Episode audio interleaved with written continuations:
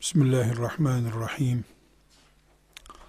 Elhamdülillahi Rabbil alemin. Ve sallallahu ve sellem ala seyyidina Muhammedin ve ala alihi ve sahbihi ecma'in.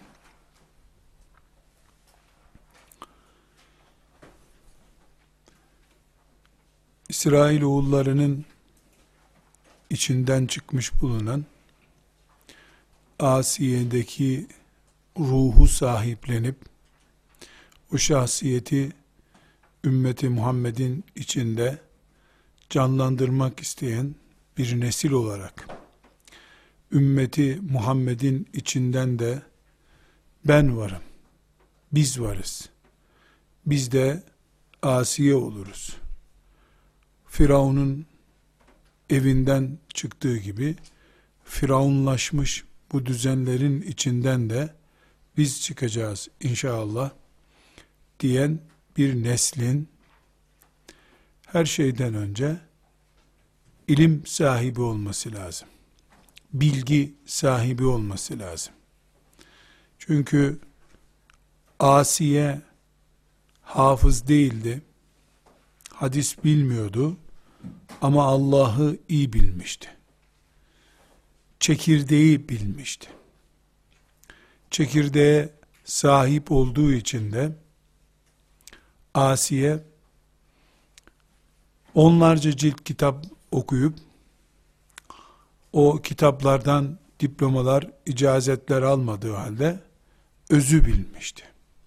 Özü bilmesi onu Allah'ın izniyle kazananlardan biri haline getirmişti. Bizim bilgi sahibi olmamız asiyeleşmemiz için gerekli. Aksi takdirde kör bir gidişle gideceğimiz yer asiyeliğin ulaşıldığı yer olmaz. Asiyeleşme yolunda temel kurallardan üçüncüsü de bilgiyi sahiplenmektir. Demiştik ki her şeyden evvel insanların imanına hizmet edenler ve imanından hizmet bekleyenler diye ayrılması birinci maddemizdir. İkinci madde olarak da Allah'ın kadını kadın olarak erkeği de erkek olarak yarattığını ve bunun farklılıklarını bilenlerin ancak Allah'ın şeriatındaki incelikleri anlayabileceklerini söylemiştik. Üçüncü temel prensibimiz de asiyeleşme yolunda her şeyden önce bilgiye sahip olmak lazım. Bilgi ile kastımız Kur'an'ı bilmektir. Zaten burada inşallah Tahrim suresinin hareminde yürümeye çalışırken bu bilgiyi yakalamak istiyoruz. Ancak bilgi kelimesine dipnot denebilecek ayrıntılar getirelim. Biz Asiye biliyordu dedik. Ama bildiği şey ben zanla, tahminle söyleyeyim. Asiye validemiz neler biliyordu diye bir dosya kağıdına yazsak bunları sizi temin ederim ki bir kağıt dolduramayız Asiye'nin bildikleriyle ilgili olarak. Namazın farzlarından orucu bozup bozmayan şeylere kadar siz neler biliyorsanız, bilgi ne ediyorsanız, Asiye bunlardan haydi bilsin bilsin üç cümle beş cümledir bildiği. Asiye bir tek şey biliyordu. Allah'ın kuludur ve asıl vatan cennettir. Bunu biliyordu. Bunu öyle biliyordu ki Asiye, öyle biliyordu ki, Bizim ciltler dolusu bilgimiz onun o bilgisini denkleştirmiyor, karşılamıyor. Sıkıntı burada zaten. Biz herhangi bir 10 yaşındaki Müslüman çocuğumuzu bile imtihan etsek A4 kağıdı değil ciltler dolusu bilgi söyleyebilir bize çocuklar. Asiye benim Rabbim Allah'tır biliyordu. Firavun'un sarayı çöplük bile değil, asıl bana cennet lazım diyordu. Haydi üçüncü cümleni söyle desen onu bilmiyordu. Onu da bilmiyordu. Hadi kelime-i şehadet oku desen korkarım onu da bilmiyordu. Tek şey biliyordu. Allah ve cennet. Bu bildiği şeyler, iki kelime, üç kelimelik şeyler, onu kıyamet zamanına kadar gelecek, bütün müminlerin en güzel örneği haline getirdi. Biz çok şey biliyoruz. Çok ama.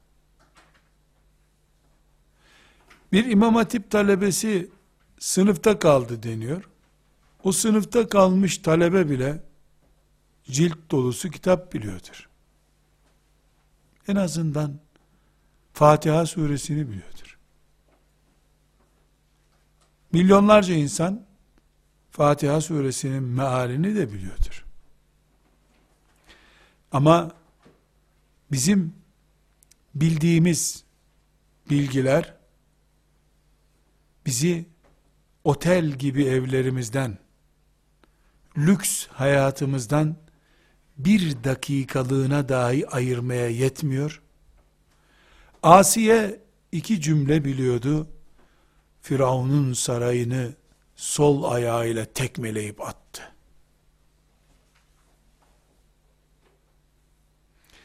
Onun bildiği onu cennete götürdü. Allah'a götürdü. Bizim bildiğimiz ise bizi hiçbir yere götürmüyor.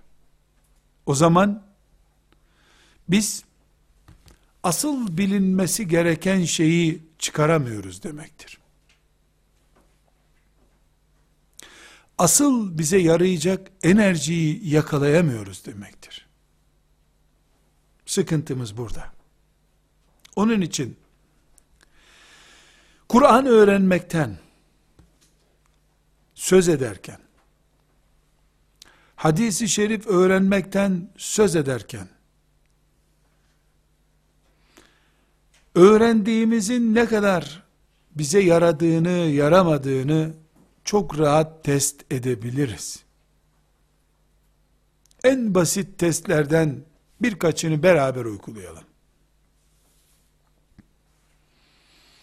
Mesela Hucurat suresinde Allahu Teala gıybet etmeyi yani mümin kardeşinin arkasından onun hoşlanmayacağı bir şeyi söylemeyi haram ederken bunu o kadar ağır bir ifadeyle kullanıyor ki Allah Hucurat suresinde tiksinmemek mümkün değil. Bildiğiniz gibi ne buyuruyor?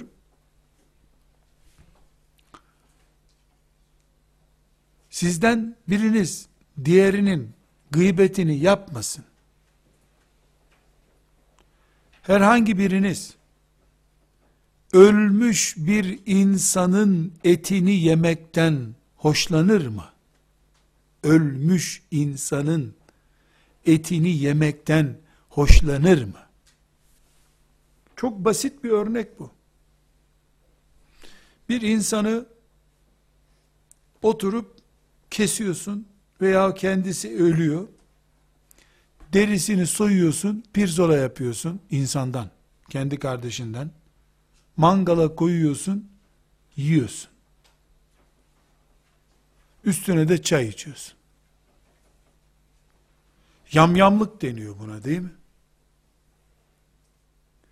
Bunu yapar mısınız, sever misiniz Allah buyuruyor. Bunu sever misiniz?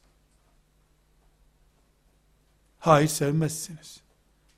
İşte mümin kardeşinizin arkasından gıybet etmeniz bunun gibidir Allah buyuruyor.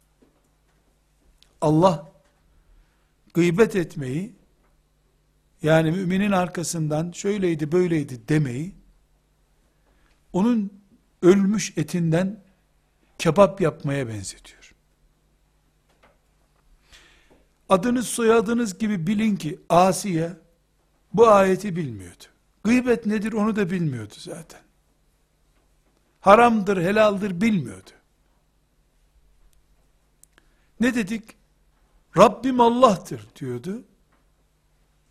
Ben Rabbimden cennet isterim diyordu. Bitti. Biz Hucurat suresini üç defa, beş defa, belki on defa okuduk. Eyuhibbu ahadukum en ye'kule lehme ahihim meyten fekerihtumuhu vettekullaha innallaha tevvabur rahim ayetini defalarca okumuşuzdur. Şimdi Müslüman bir hanımefendi olarak Kur'an bildiğimizi kabul eden müminler olarak herhangi bir mecliste oturumumuzda o mecliste bulunmayan bir Müslüman hanımefendi veya Müslüman erkeğin gıybeti yapılırken eğer ölü etinin kebap yapılıp bir tabakta önümüze konması gibi bir çirkinlik gözümüzün önüne geliyorsa biz Kur'an'ı öğreniyoruz demektir. Hayır. Bilakis çok tatlı bir şekilde gıybeti yapılan kardeşimizi ha öyleydi diye anıyorsak işte bizim bilgimiz yük bilgidir. Ağırlığı bizde, uygulaması başkasındadır. Hamaliyesini yapıyoruz biz bu bilginin. Hiçbir zaman Kur'an'ı bilmek bu değildir. Yahudiler de, Hristiyanlar da Allah'ın onlara indirdiği kitabı bu şekilde biliyorlardı. Ama bildiklerini de yapıyorlardı. Cuma suresinde Rabbimiz Yahudilerin Tevrat bilgisini nasıl tarif ediyor? Meselullezine hummilut tevrate sümme lem yahmiluha kemeselil himari yahmilu esfara şu Tevrat'ı ezberleyenler sonra da Tevrat'ın gereğiyle amel etmeyenler, kitap yüklenmiş eşeğe benzerler Allah buyuruyor. Bir eşek üstüne kitap yüklemişin, onları kitapçıya, kırtasiyeciye götürüyor. Alim eşek olmuyor. Kitap taşıyan eşek oluyor. Diyor Allah Cuma suresinde Kur'an-ı Kerim'de. Yahudiler Tevrat'ı ezber biliyorlardı. Çok Tevrat okuyorlardı. O kadar çok okuyorlardı ki okudukları Tevrat onları ağaç yaprağı gibi sallıyordu. Ama Allah faizi haram ediyordu. Onlar bildiklerini yapıyorlardı. Neyi haram ettiyse Allah evirip çevirip onun tersini yaptılar. Allah da onları kitap taşıyan eşeğe benzetti. Bugün Müslüman kadınlar olarak, Müslüman erkekler olarak, Müslüman hoca efendiler olarak, Müslüman hoca hanımlar olarak, yani din namına bir şey bildiğini kabul edenler olarak, bu soruyu bizzat kendimiz sormalıyız. Hepimizin çok iyi anladığı, bilhassa kadınların defalarca anlamaları gereken gıybet örneğini Kur'an'dan aldık. Kur'an'a iman ediyoruz. Bu bizim kitabımızdır diyoruz. Bunun, bununla kıyamet günü dirileceğiz diyoruz. Bu kitabı Allah önümüze koyup buna göre sen nasıl bir Müslümansın diye soracak bunu biliyoruz biz. Bu hiç kaçacak bir tarafımız yok. Bunu bildiğimiz halde gıybetin Kur'an'da ölmüş kardeşin etini yemek kadar çirkin tutulduğunu bildiğimiz halde biz gıybet yapılan bir yerde nasıl refleks gösteriyoruz? Kendimizi ölü insan etinden ziyafet yapılan bir sofrada mı hissediyoruz? Yoksa o gıybetin tatlı ortamında kendimizi denize saldık, kulaç mı atıyoruz? Konumuz, siz de anlıyorsunuz ki, gıybetin hükümleriyle ilgili değil, gıybeti konuşmuyorum. Kadınların en büyük sorunu diye gıybeti konuşmuyorum. Ne konuşuyorum? Çok iyi anlayabileceğimiz bir örnek olarak çok iyi anlayabileceğimiz bir örnek olarak gıybet konusunu konuşuyorum. Çünkü Kur'an'ın açık seçik emirlerinden birisi bu gıybet. Çok açık seçik emirlerinden biri. Yani gıybet yapmayın emir. Ve la yagteb ba'dukum ba'da. Birbirinizin gıybetini yapmayın. Açık seçik Allah'ın emri bu. Benzetme bu kadar çirkin, üzerimizdeki etkisi ne? Peki, biz bu gıybet konusundan Kur'an bilgimizin pratiğe dökülmesi veya dökülmemesi başlığına niye geçiyoruz? Evet niye? Çünkü biz Tahrim suresinin haraminde yürüyeceğiz dedik. Yani Kur'an-ı Kerim'in iki sahifelik bu mübarek suresini öğreneceğiz. Bu iki sahife gibi yüzlerce sahifeyi Yahudiler Tevrat'tan okumuşlardı. Ama mel'un millet haline geldiler. Lanet gördüler. Meleklerden, peygamberlerden, Allah'tan lanet gördüler. Tevrat bilmişliklerine rağmen. Biz Tahrim suresini okumadan önce, öğrenmeden önce, bu Tahrim suresinde öğrendiklerimizi, damarlarımızda dolaşan kan, gözümüzde ışık veren ferimiz, elimizdeki tutan gücümüz, ayağımızda yürüyen hızımız olarak göremezsek, Tahrim suresini öğrenmemizin bir manası yoktur. Asiye değil, normal bir Müslüman kadın bile böyle olmaz zaten. Biz asiye olmak için öğrenelim isterken, meleklerin bize cevabı, ne asiyesi be, sen Müslüman oldun bir de asiye mi kaldı? Şeklinde bizi dışlama cevabı olur.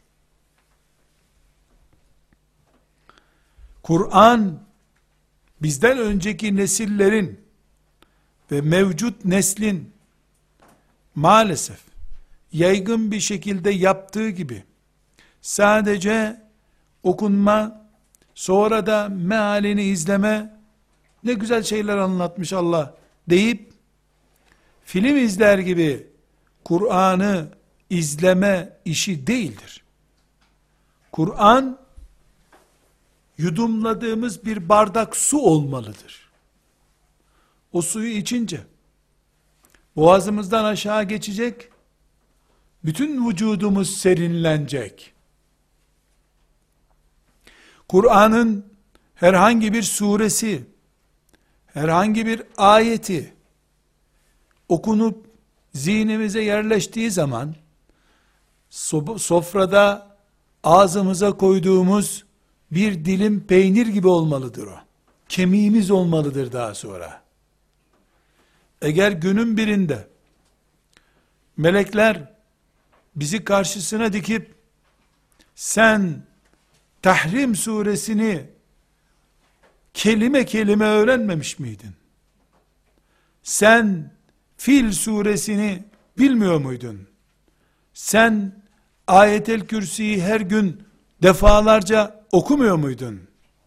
Sen İhlas suresi bilmiyor muydun diye bildiğimiz şeyleri yüzümüze vurabilirler. Allah muhafaza buyursun.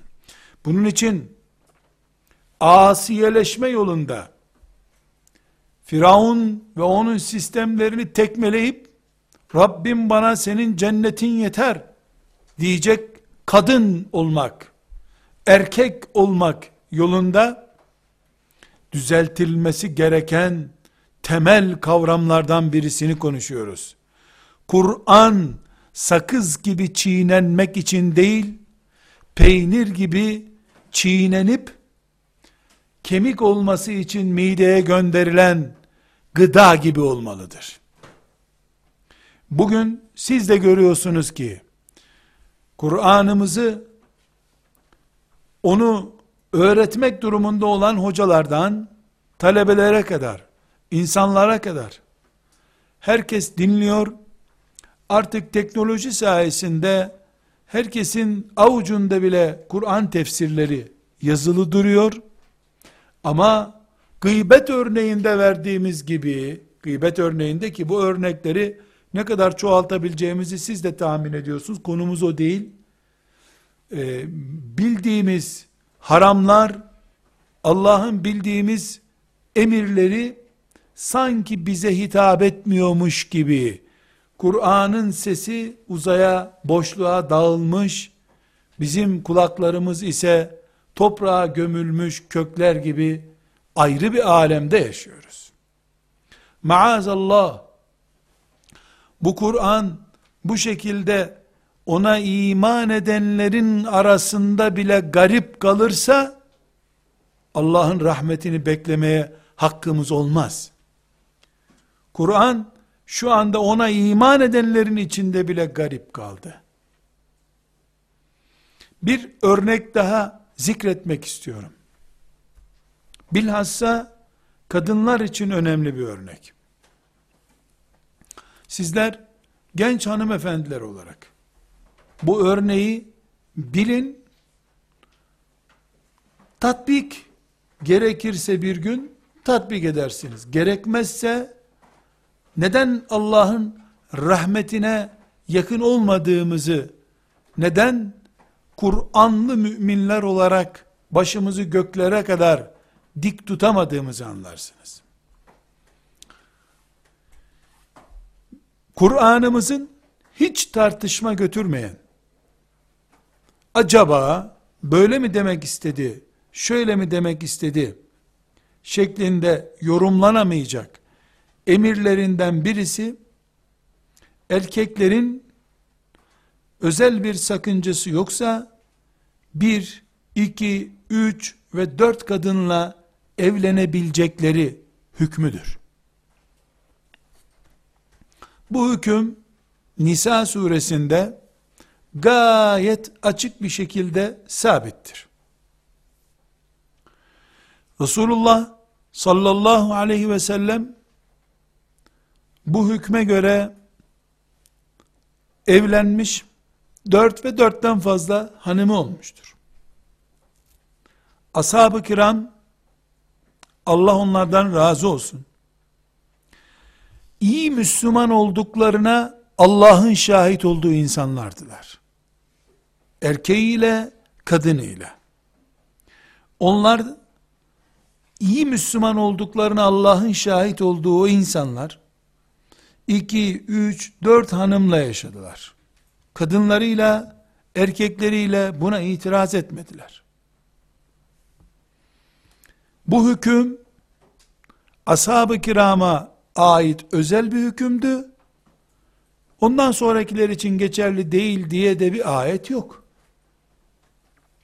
Kıyamet gününe kadar La ilahe illallah Muhammedur Resulullah diyen herhangi bir erkeğin ve kadının bu hükme itiraz etme hakkı yoktur.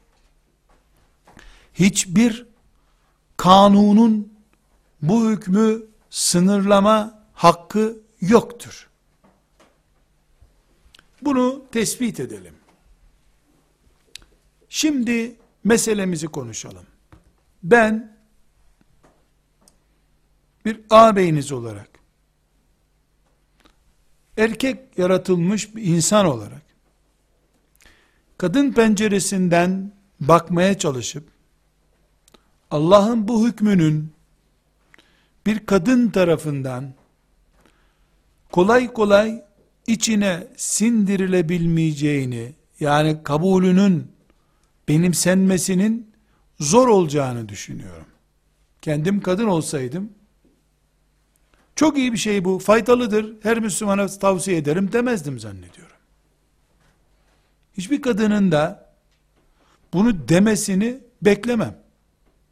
Her Müslüman dört kere evlenmelidir desin kadınlar demem. Bu gerçekten zor. Cihada gidip orada şehit olmak nasıl zor bir şeyse bu da zor. Şehitlik kolay mı? Veya bir insan 30 sene 40 sene alnının teriyle çalışıyor, mal biriktiriyor. Sonra bunu Allah rızası için götürüyorsun. Borcun yok, harcın yok, tanımadığın bir fakirin kucağına koyuyorsun. Al senin olsun diyorsun. Kolay bir şey mi bu?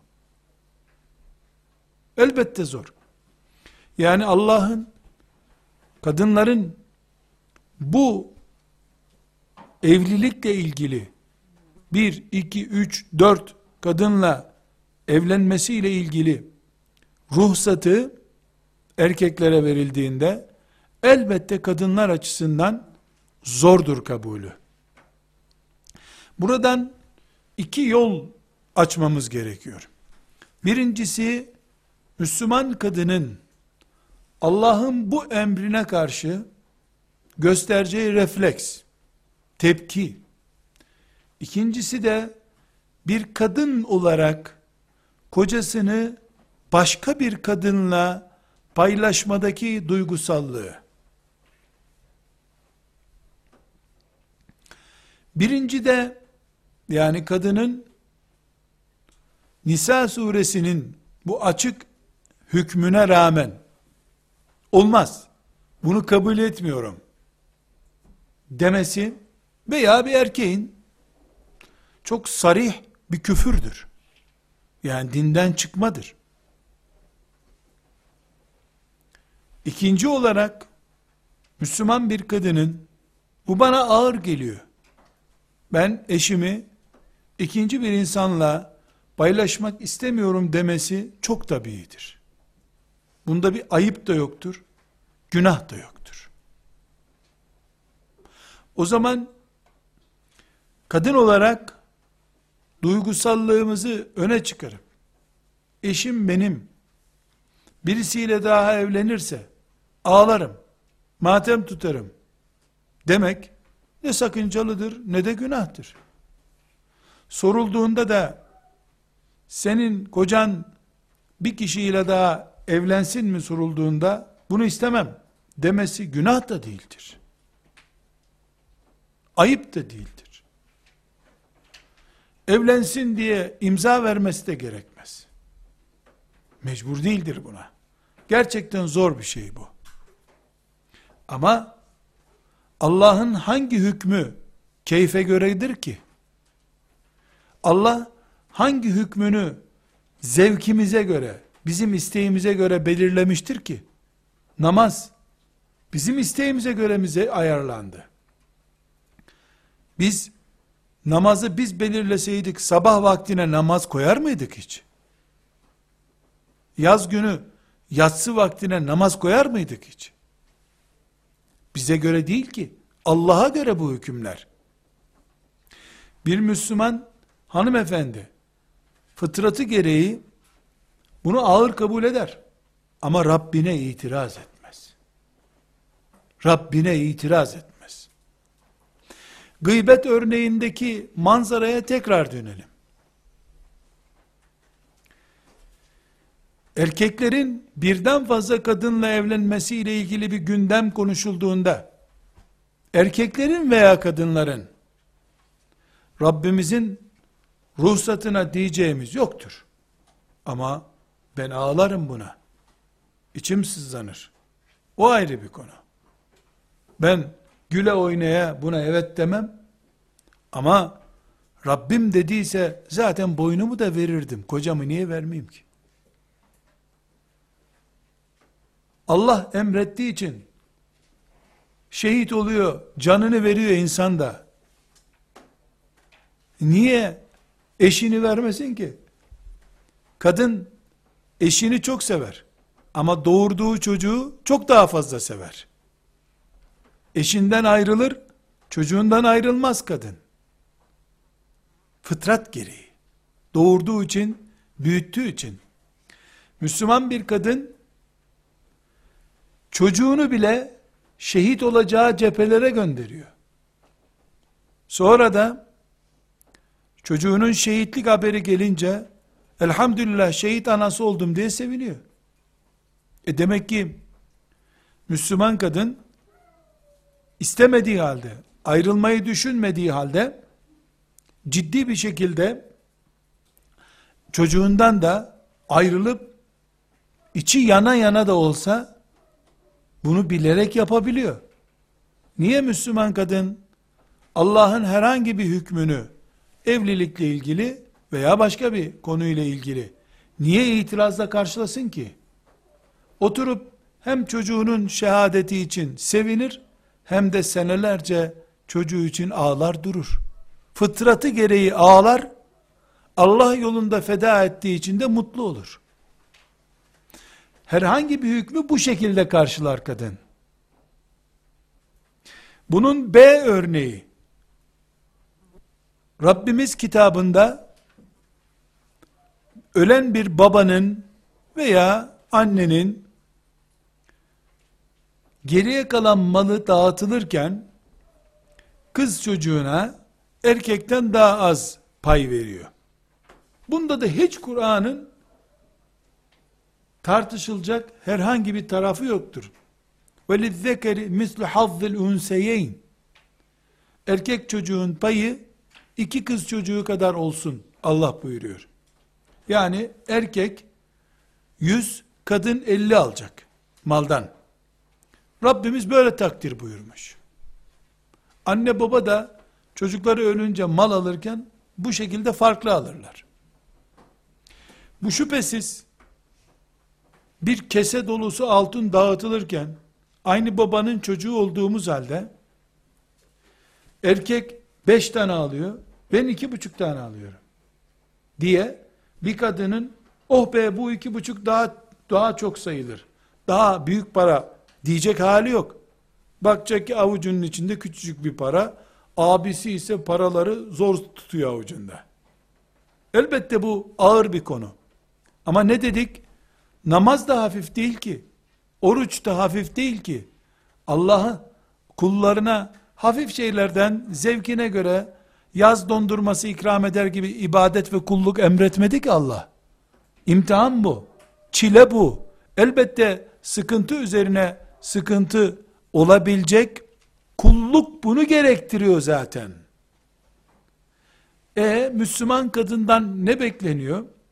Mal sevgisi Müslüman kadında da var. Keşke abimin aldığı kadar para bende de olsaydı diye düşünür. Ama hiçbir zaman hiçbir zaman abisiyle cedelleşip ben Kur'an'ın dediğine değil kendi hesabıma bakarım getir benim tam alacağız bu farkı sen benden çok almayacaksın demez demokratik bir toplumda Roma hukukuna göre erkekle kadın eşit pay alıyorlar olabilir. Onların eşit pay alması yani Roma hukuku ona bu gücü sen abingiyle aynı alacaksın bu malı diye e, bir desteği olabilir. Ama Allah helal etmiyor bunu. Allah bunu erkeğe iki kat fazla veriyor. Niye veriyor? Hesap mı verecek sana Allah Teala? Öyle takdir buyurmuş. Kadınların ayağının altına konmuş karpuz kabuğudur bunlar. Kadınlar sadece namuslarını koruyarak, tesettürlerine bürünerek, Ramazanda umreye giderek, haçtan gelince de komşularına baklava ikram ederek, iyi Müslümanlık yarışı yaptıklarını zannedemezler. Asıl imtihanı kadının, babasının malını abisiyle yüzde elli az paylaştığı zaman ortaya çıkacak. Asıl frenleri o zaman tutup tutmadığı belli olacak. Kur'an kitabımız dedik. Asiyeleşmek için önce bilgi kaynağımız olan Kur'an'ı özüm, özümüze indirmemiz gerekir dedik. Tahrim suresini okuyacağız. Öğreneceğiz inşallah. Ama bizden önceki nesiller de okudular, bildiler. İlahiyat fakültelerinde, imam hatiplerde, medreselerde belki imtihanlara girip çok yüksek puanlarla tefsir puanı aldılar. Ama bu ümmetin asiyeleri hala meydanlara çıkmadı. Neden? Çünkü onlar Tahrim suresini sakız gibi çiğnediler o zaman. Biz sakız gibi çiğnemek istemiyoruz. Peynir gibi yemek istiyoruz ki pazumuzda, bileğimizde, beyin tasımızda, ayaklarımızda, çenemizde, kemiğimize gıda olsun. Kemiğimizi güçlendirsin. Elimiz Allah için tutarken güçlü olsun. Peynirin kemik yaptığı gibi Tahrim suresi de imanımıza, müminliğimize, Müslümanlığımıza güç katsın. Eğer öğrendiğimiz Kur'an ve Kur'an'ın bilgisi bizi daha güçlü adımları olan, daha derin bakışları olan, sözü daha tesirli olan Müslümanlar haline getirmiyorsa, biz ne, niçin öğreniyoruz ki o zaman? Bu neye benziyor biliyor musunuz? Çok affedersiniz. Misal olarak sadece zikrediyorum. İnsanın bağırsak sistemi bozulduğu zaman ne yerse yesin yarım saat içinde ishal olur gider o. Dolayısıyla çok yer ishal olduğu için zayıflamaya başlar. Yediğinden hayır görmez. Biz bağırsak sistemi bozuk bir insanın yediğinden fayda görmeyip aksine zayıfladığı bir deri bir kemik kaldığı gibi su kaybından dolayı iman mekanizmamız yerli yerinde değilse Tahrim suresini de okudak, Bakara suresini de okusak, Ali İmran suresini de okusak, Kur'an'ı tefsiriyle baştan sona okuyup imtihana girip tam puanla o imtihandan çıkmış olsak bile böyle yapsak bile buna muvaffak olsak bile beynimiz gelen bu taze bilgileri Allah'tan gelen bu hükümleri hücreleştirip içine özümsemedikten sonra tıpkı ishal bir adamın yediği içtiğinden hayır görmediği gibi biz de okuduğumuz, dinlediğimiz Kur'an'dan müminliğimiz açısından fayda görmüyoruz demektir. Nere gidecek bu kadar bilgiler? Ashab-ı kiram, defalarca bunu konuştuk. Ashab-ı kiramın belki de yüzde 95'i, yani belki de yüzde 95'i, ki 120 bine yakın sahabi olduğunu biliyoruz. Yüzde 95'i ne yapar? Bunun hemen hemen 100 bin tanesi yapar. Kur'an-ı Kerim'in şöyle 50 suresini oku bakalım dendiğinde okuyabilecek durumda değildiler. Birkaç bin tane hafız yoktu ashab-ı kiramın içinde. Ama bir ayet dinlemeye görsünler. O ayeti dinledikten bir saat sonra ne diyorsa o ayet onu onun üzerinde görüyordun. Bir sahabi gıybetle ilgili ayeti duyduktan sonra ama ben doğruları söylüyorum diye evirip çevirmiyordu. Gıybet onun için ölümdü artık. Allah bir şeyi emredecek de bir sahabi kadını, bir sahabi erkeği ama uma deyip konuşmaya devam edecek. Olur mu böyle bir şey? İşte Kur'an-ı Kerim'den biz tek bir sureyi okuyacağız. Tek bir sureyi. Bu surede bizim için herhangi bir şekilde Kur'an-ı Kerim'den farklı bir sure değil. Kur'an'ın bütün sureleri bizim için aynı. En uzun suresiyle en kısa suresi arasında fark yok bizim için. Hepsi Allah'ın kitabı. Bu surede Efendimiz sallallahu aleyhi ve sellemin aile hayatı anlatılıyor. Çocuklar konusu anlatılıyor. Asiye anlatıyor. Öbür surede başka bir şey anlatıyor. Biz Allah'ın kitabının tamamını okuyoruz. Tamamına iman ediyoruz. Nisa suresi diye bir sure var Kur'an-ı Kerim'de. Ne nisa? Kadınlar demek. Yani erkeklerin okuması yasak olan bir sure mi bu? Nisa suresi diye erkekler okumayacak mı bu sureyi? Erkeklerle ilgili hükümler Nisa suresinde çok daha fazladır. Eğer 10 kadınla ilgili hüküm varsa 20 erkekle ilgili hüküm vardır. İsmi bile kadınlara mahsus yapmıyor ki bunu. Biz Rabbimizin kitabını hayatımız gibi görüyoruz. Bize hayatımız salı günleri lazım, çarşamba günleri lazım değil diyebilir miyiz? Hayat her gün lazım. Her dakika lazım. E Kur'an bizim hayatımız ise her herhangi bir suresi herhangi bir ayeti bizim gündemimizin dışında olamaz. O zaman tekrar asiyeleşmek için yola çıkmış inşallah ihlaslı bir dava, bir dert olarak bunu kendisine rehber edinmiş müminler olarak çok net bir şekilde bir kural koyuyoruz. Diyoruz ki bu cahilce olmaz. İlimle olur. Asiye bilerek yaptı bunu. Şansına çıktı Asiye'nin denebilir mi? Asiye'nin tercihi, tercihi gayet ciddiydi. Şuurlu bir tercih yaptı Asiye. Bu şuurlu tercihi Asiye'nin bizim de bilerek, şuurla yapmamızı gerektiriyor. Dedik. İkinci paragrafta da ilave ettik ki, yalnız burada Yahudiler gibi çuvallarla bilgi, depolar dolusu bilgi kastetmiyoruz. Çünkü Yahudiler çok biliyorlardı. Çok biliyorlardı. Belki Hristiyanlar Yahudiler kadar bilmiyorlardı ama Yahudiler çok biliyorlardı.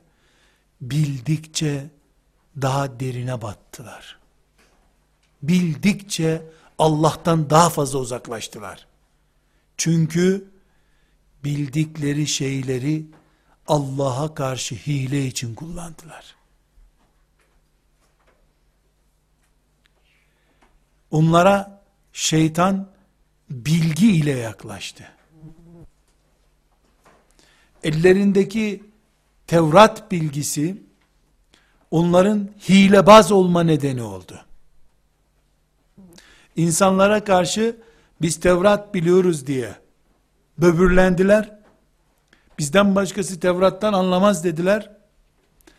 İnsanlara şunu yapmayın haramdır, bunu yapmayın çarpılırsınız gibi çıkışlar yaptılar. Ama kendileri hahamların oturdukları yerlerde diledikleri gibi Allah'a isyan ettiler. Hiç bilmiyormuş gibi Tevrat'ı özel hayat yaşadılar. İnsanların karşısına kürsülere çıktıklarında ise her şeyi bildiklerini ispat etmeye çalıştılar.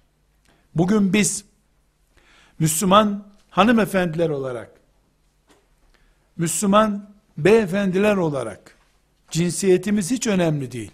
Müminiz. Cinsiyetimiz müminliktir bu konuda. Müminiz. Elhamdülillah Müslümanız. Dolayısıyla kimliğimiz İslam'dır bizim.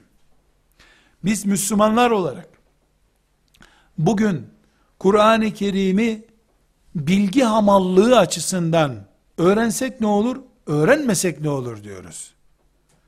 Bize Kur'an-ı Kerim'den bir ayet gelsin, onunla Rabbimizin rızasını mı kazanalım? Yoksa Kur'an'ı baştan sona ezberleyip okuyup yutalım ama kıyamet günü hahamlar gibi cehenneme yuvarlanalım. Hangisini tercih ederiz ki? Elbette bilmekle kastımız bilgi toplamak değil, bildiğimizi uygulamaktır. Ne kadar uygulayabiliyorsak, ne kadar tatbik edebiliyorsak Allah'a o kadar yaklaşacağız demektir. Bu sebeple şimdi Tahrim suresini öğrenme şuurumuzu bir kere daha kurallaştıralım. Bir, Allah'ın kitabının herhangi bir ayeti, tek bir ayeti, tek bir suresi, üç suresi, beş suresi tamamı demektir. Bunu özellikle vurguluyor. Bir mümin Fatiha suresini iki türlü öğrenebilir. Tefsir ve anlama olarak. Birincisi 114 sureden bir tanesi bu. Ta tamamını öğreneceğiz de oho çok var. Çok fırın ekmek yiyeceğim der. İkinci olarak Fatiha can simidimdir benim der. Onu öğreneyim, onu yaşayayım der. Sahabinin yaptığı gibi. Birincisi 114 sureden bir tanesi der. O şeytanın avucunun içinde kalmıştır. Çünkü Sümeyye radıyallahu anha ve Yasir Ebu Cehil'in elinde şehit olup gittiğinde Fatiha'dan başka hiçbir sure bilmiyordu. Kıyamet günü Allah kullarını diriltirken Sümeyye ilk şehit kadın olarak dirilecek. Gelse Sümeyye haydi bir boy ölçüşelim dese ben ondan dağlar kadar daha fazla biliyorum. Eğer cennette yanına yanaşabilsem bilgimi göstereceğim. Bir çıkabilsem cehennemden. Sümeyye bir Fatiha biliyordu. Bir Fatiha ile alemlerin Rabbi Allah'ı buldu. Bugün adı Sümeyye olan medreselerde, ilahiyat fakültelerinde, imam hatip liselerinde, Kur'an kurslarında eğitim gören binlerce kızımız var. Ebu Cehil'in zulmü altında herhangi bir şehitlik çeşidini bir kenara koy, iki günlük Antalya keyfinden ferahate bile yanaşmaz. Ama sorsan, tefsir üstüne tefsir biliyor. Bir Fatiha değil, 20 Fatiha çeşidi biliyor. Kıraat biliyor belki de. Belki de kıraat biliyor. Demek ki biz bilmekten iki şey kastediyoruz o zaman. Birincisi ne biliyorsam canımdır diye ona sarılıyorum. İkincisi hele bir öğrenelim bakalım. İkinci sınıfta ikinci bilgilere geçeriz deyip bildiğin şey Kur'an'dan bir ayet, bir sure olduğu halde onu hafif görme hastalığı. Hem bir Fatiha namazı yeterli hale getiriyor, ölüyü cennete koyuyor, imanı sabitleştiriyor diye inanıyorsun ama bir Fatiha suresini bilmeyi sıradan bir iş görüyorsun, basit görüyorsun. Yanlış. Kur'an'dan bir ayet Kur'an demektir. Onu bilen cennete girdi demektir. Uygulayabilirse. Bunu Tahrim suresine uyarladığımızda inşallah biz Tahrim suresinin hareminde yürüyüş yaparken inancımız şu olacak. Ben Rabbime bu sureyle çıktım. Bu sureyle Rabbime kavuşurum ve bu ümmetin asiyelerinden biri olurum Allah'ın izniyle. Bu surede Rabbim bana 10 mu 20 mi 30 mu kaç tane emir verdiyse onları uygularım. Hazmederim. Onlar bende kemik olur, et olur, ilik olur. Yürüyen mümin olurum. O Tahrim suresiyle yürüyen mümin olurum. Gerisini de Allah verir. Sahabe kafası bu. Deseydi ki ashab-ı kiram, tıpkı bizdeki bir medrese talebesi gibi, bir imam hatip talebesi gibi, bir ilahiyat talebesi gibi, Kur'an adım adım iniyor. Ayet ayet, sure sure iniyor. Deseydi ki hele tamamı insin, biz de evde o zaman oturup ailece okuruz Kur'an'ı. Deselerdi, kaç sahabi Kur'an Müslümanı olarak Rabbine kavuşabilirdi ki? Tamamının inmesini bekleselerdi, mümin olarak da ölemezlerdi belki de. İndi bir sure, tamam göklerin kapısı kapandı, her şey indi gibi ona sarıldılar. İndi bir ayet daha, tamam gökler yeniden açıldı, bir daha açılmayacak deyip o ayete sarıldılar. Böylece Allah'ın razı olduğuna, Kur'an'ın şahit olduğu bir nesil oldular. Biz ise eğer Kur'an-ı Kerim'i işte birinci sınıfta şu sureyi okuduk, ikinci sınıfta bu sureyi okuduk, üçüncü sınıfta bu sureyi okuduk diye sonunda bütünleşince yapboz tahtası gibi ancak o zaman ortaya çıkacak yapbozda ne olduğu diye düşünürsek Yahudi mantığına takılmış oluruz. Sahabe mantığı ise nedir? Ne biliyorsun? Kevser suresi, cennet odur. Al git onu. Bu sahabi kafası. Allah onlardan razı olsun. İşte Tahrim suresine bu mantıkla bakacağız. Sanki Kur'an'ın 113 suresi yok, bir tek Tahrim suresi var. Çünkü Rabbim şu anda onu bana nasip etti öğrenmeyi. Derim, ona bu sahip çıkışım, Tahrim suresini dişleyişim benim, özümseyişim, gerisinin bereketi olur. Tahrim suresinde cihat ayeti var mı? Namaz ayeti var mı? Oruç ayeti var mı? Bu çok önemli değil ki. Nice sahabiler hac farz olmadan, haccı Allah'ın farz ettiğini bilmeden öldü gittiler. Zekatın farz olduğunu bilmeden öldü gitti sahabiler. Bir kusurla mı gittiler? Bu ölçüyü unutmuyoruz. Allah Kur'an'ı birden vermiyor. Ayet ayet, sure sure veriyor. Ashab-ı kirama da böyle yaptı. Biz hepsi birleşsin bakalım, o zaman anlarız ne demek istediğini dersek, yanılırız, tamamını kaybederiz. Tek bir ayet öğrendim, o bir ayete sarılırsam, can simidi olursa, tek bir sureyi sahiplenirsem, cennet benim demektir. Bu mantıkla, Tahrim suresini inşallah okuyacağız.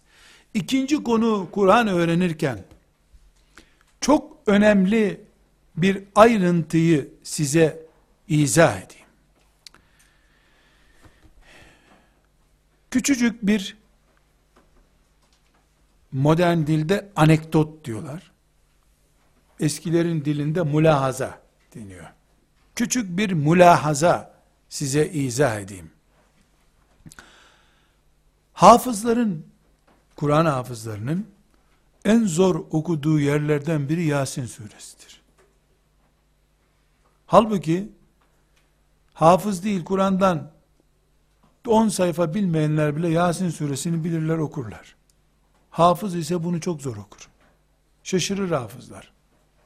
Neden biliyor musunuz? Yasin onları çarpar diye filan değil.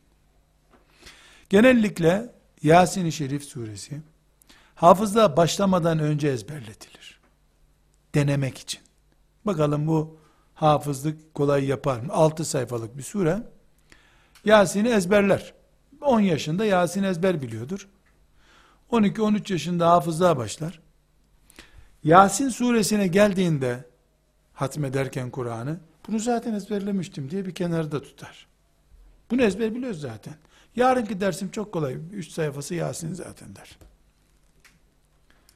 Bu sonunda okuyamayacağı bir Yasin'le karşılaştırır onu. Yasin okuyamaz. En zor sureyi sor.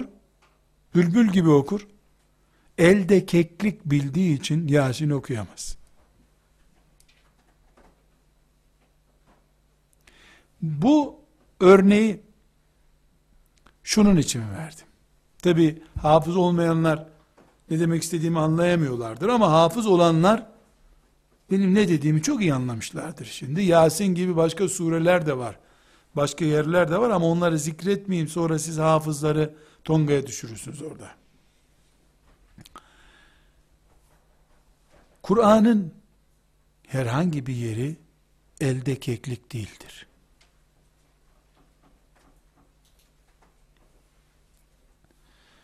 Kur'an her güneş doğduğunda sabahleyin yeniden doğan bir kitaptır. 30 senedir namaz kılan bir Müslüman 30 senedir günde yaklaşık 40 defa en az Fatiha suresi okuyor. En az 40 defa namaz kılıyorsa. Ya yeter be. Biraz da Maun suresinden okuyalım birinci rekatta demez hiçbir zaman. Kur'an'a doymak çok kötü bir işarettir. Şimdi biz inşallah Tahrim suresini enine boyuna derinlikleriyle, rivayetleriyle okuyup bitirdikten sonra bir dahaki sene yine Tahrim suresinden bir kamp daha yapalım desek Kur'an'la bağımızın sinyalleri ortaya çıkar. Aa, geçen seneki sureydi bu zaten yeni bir ayet inmeyeceğine göre bunu biliyorum diyorsak biz Kur'an'la ilişkimizi sıcak tutamıyoruz demektir. Kur'an her gün yenileniyor. E biz ise her gün eskiyoruz. Kur'an'ın okunuşu, tefsiri, tefekkürü eskimez. Eskimez. Eskimez. Bilakis her gün tazelenir. Bugün okuduğumuz ayet, dün okuduğumuz ayettir. Bizi çevremiz, günahlar, ahlakımız her gün yıpratıyor. Her gün Kur'an'ın bir kere daha bize gelmesi lazım. Okuma olarak, tefsir olarak, tefekkür olarak. Günün birinde ben burayı okumuştum. Bu tefsirini okumayayım, atlayayım diyorsanız büyük bir yanılgıya düştünüz. Çünkü Kur'an sen 30 yaşındayken sana Tahrim suresinden bir sinyaller vermişti. 35 yaşına geldiğinde hayat, bu dünya, bu çevre seni 5 yıl yıprattı demektir. 30 yaşındayken bir kere muhtaç idiysen Tahrim suresine 35 yaşına geldiğinde 4 kere daha muhtaçsın demektir. 30 yaşındaki yıpranmışlığın Tahrim suresiyle tamir ediliyordu. 35 yaşına geldiğinde daha fazla Tahrim suresine muhtaçsın sen. Fatiha'ya muhtaçsın. Kevser suresine muhtaçsın. Çünkü 30 yaşındaki zeka, tecrübe birikiminle Kur'an'dan anladığın, yorumladığın e, ve sana kan olan, hücre olan, ilik olan o ayetler sen 35 yaşına geldiğinde kültürün, şuurun, birikimin daha fazla, daha farklı olduğu için daha değişik şeyler Kur'an'dan istifade ettirecektir. Onun için diyoruz ki Kur'an'ı okuyuşunu milyon kere okumuş olsan milyon birinci okuyuş yine taptazedir. Sen bunu taze hissedemiyorsan damak tadın bozulmuştur. Kur'an'dan zevk alan damak tadında sıkıntı var senin. Sen çok fazla latinize olmuşundur. Çok fazla Tevrat kültürüne kaymışındır. Kur'an senden uzaklaşmaya başlamıştır. Onun için milyon kere okuduğumuz Bakara suresi olsa artı birinci kere ilk okuyuş bir okumak zorundayız. İman bunu gerektiriyor. Çünkü Bakara suresi okudukça eskiyen değil, okudukça yenilenen şeyleri karşımıza getiriyor. Tefsir okuduğumuz zaman, o biz daha 20 sene önce Fil suresinin tefsirini okumuştuk diyorsan niye filler senin kafanda hala madem 20 sene önce okumuştun da niye filleri kovamadın? Demek ki 20 senedir sen kullanamıyorsun Fil suresini tabi. 20 sene sonra bir daha okumanda hiç sakınca yok. Eğer bir Kur'an okunuşuyla, tefsiriyle, tefekkürüyle, üçüncü, beşincidir diye, altıncı, sekizincidir, on beşinci defa okuyorum diye, eskime görüntüsü veriyorsa, sorun Kur'an'da değil, ona bakan gözlerimizde, onu duyan kulaklarımızdadır. Bu sebeple, beşikten mezara kadar, Allah bize nefes verdiği sürece, gözümüz gördüğü sürece, kulağımız duyduğu sürece, Kur'ancıyız biz. Onu beş defa, yüz defa değil, bin kere okumuş olsak bile, bin birincisinden başka lezzet alırız. Bin ikinciye geçtiğimizde, o lezzet bir başka tat olarak karşımıza çıkar. Bu sebeple, Tahrim suresini okuyacağız, ama bu perspektiften bakıp okuyacağız. Böyle okuyacağız, bugün tuttuğumuz notları da gerekiyorsa her altı ayda bir oturup şöyle bir yeniden mütalaa edeceğiz. Çünkü Kur'an her gün tazelenmesi gerekiyor. Aksi takdirde Kur'an bizimle arasına mesafe koyar. O mesafede imanımıza yansır. Evet, özetleyelim. Asiyeleşme yolunda asiye şuurunu elde etmeden önce bazı kurallar zikretmemiz lazım dedik. Bunlardan bir tanesi de Kur'an ilmimizin, Kur'an şuurumuzun ne olması gerektiğiyle ilgili oldu. Ve sallallahu ve sellem ala seyyidina Muhammed ve ala alihi ve sahbihi ecma'in velhamdülillahi rabbil alemin.